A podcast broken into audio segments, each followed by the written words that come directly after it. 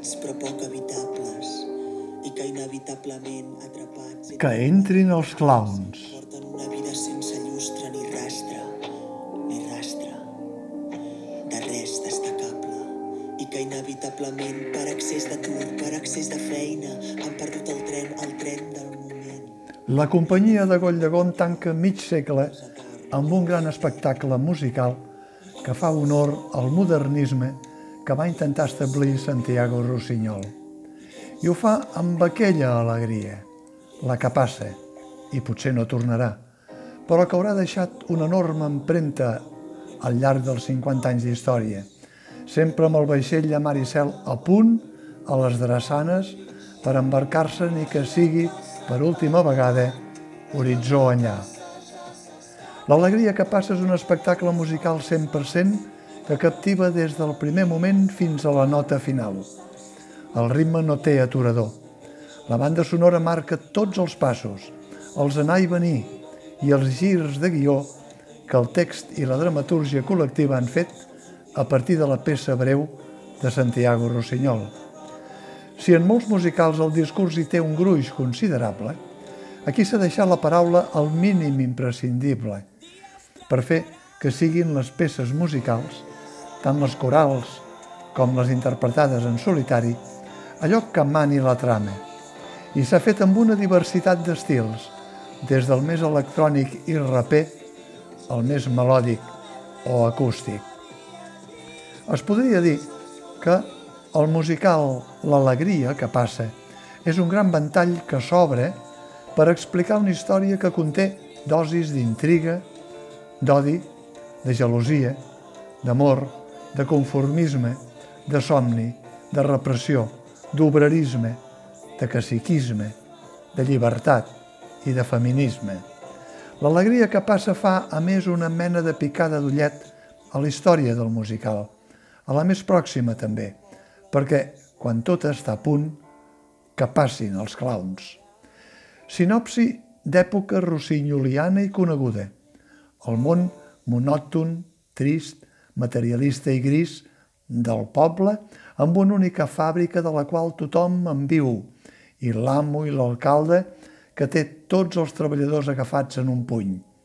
I l'art, la trup de la comèdia ambulant, l'alegria, la bellesa, el canvi que representa la companyia de saltimbanquis que el mateix cacic ha fet arribar al poble per acaronar les falses promeses dels seus propis interessos electorals. El món de la prosa i el món de la poesia, la grisó i l'arc de Sant Martí. No hi ha microhàbitats sense conflicte, sense engany, sense silencis, sense explosió o revolució. Els obrers de la fàbrica i la gent del poble ja no tenen ni temps ni esma de fer cap canvi. Els comedians de la bohèmia porten aires de revolta. Prohibit prohibir, dirien molts, molts anys després de Santiago Rossinyol. Prohibit, prohibir, prohibir, es podria dir ara, quan tornen a córrer aires de censura pels llocs més insospitats. De Goll de Gom se'n va per la porta gran, amb un espectacle que no ha creat ara per compromís, ni per nostàlgia, ni per bufar 50 espelmes amb una antologia, sinó per obrir nous fronts artístics, com sempre havia fet, des d'aquí, amb gent d'aquí, amb tradició d'aquí i amb l'alçada de tota creació artística, que té el poder de ser també universal. El repartiment de l'obra és senzillament rodó, ni que sigui un tòpic me'l permetré, un bombó. S'hi barregen diferents disciplines, en una fusió que no rellisca en cap moment. La música es fusiona amb la coreografia, i la coreografia amb el discurs, i el discurs amb la música. Actors i actrius que fan de cantants, que fan d'intèrprets amb una dicció de primera, que fan de músics, i s'entén tot, que fan de ballarins contemporanis, i si cal de hip-hop, que aporten el millor de tots ells i que fan que l'auditori aplaudeixi més de 3 i 4 vegades entre escenes i que posen d'en l'auditori quan el desenllaç fa baixar el taló simbòlic. Extraordinària la recuperació de l'actriu i cantant Àngels Gunyalons, encara ressona aquell mar i cel, que aquí fa una barreja de gèneres dupe, amb el doblet del paper de l'alcalde i amo de la fàbrica i també el del gran clown. A la Gunyalons només li cal posar-se un abric negre o treure-se'l per intercanviar els dos papers amb una escena antològica en solitari que aixeca algun bravo i tot de l'auditori quan compagina un diàleg a dos en via única entre l'alcalde i el clown. Impecable incorporació de l'actriu i cantant Mariona Castillo, la Zaire, l'únic nom de fons que es manté de tots els que va fer servir l'original de Rossinyol, en una mirada a la tradició onomàstica àrab. Zaire vol dir lluminosa, floreixent, estel·lar. Mariona Castillo es posa en aquest paper de l'artista bohèmia, l'estrella de la trup, protegida pel Puc, l'actor Jordi Coll, el manaies o mànager que té Zaire, com si fos de la seva propietat.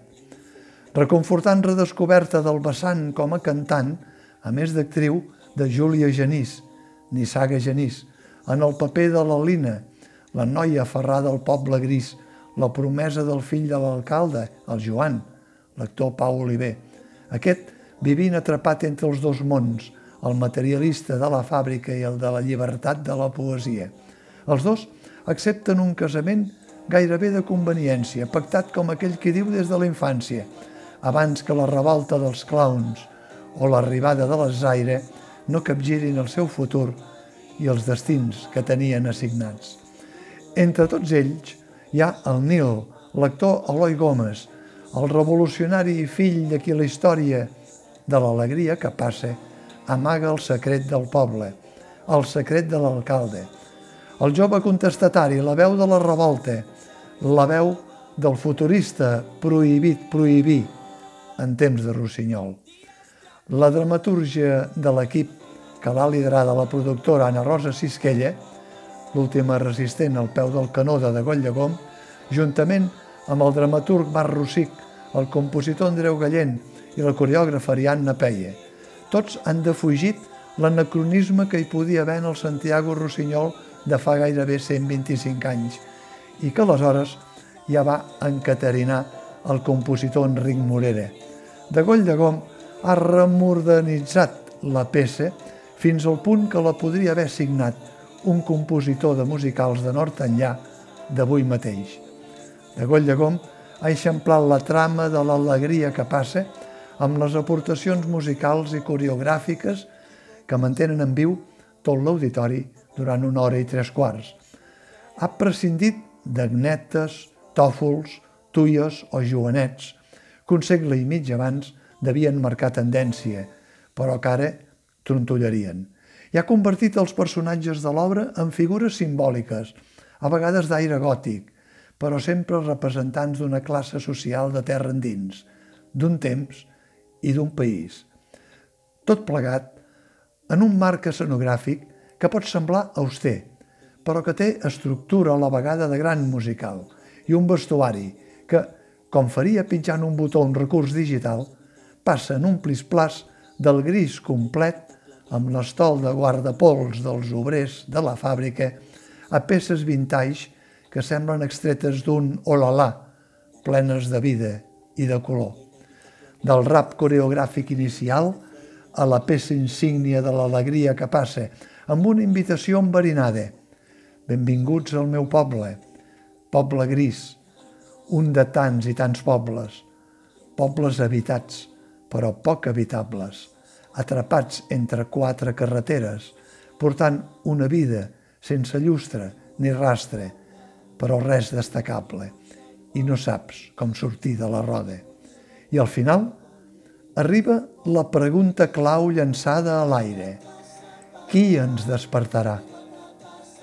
Qui ens despertarà? Qui ens despertarà? s'ofega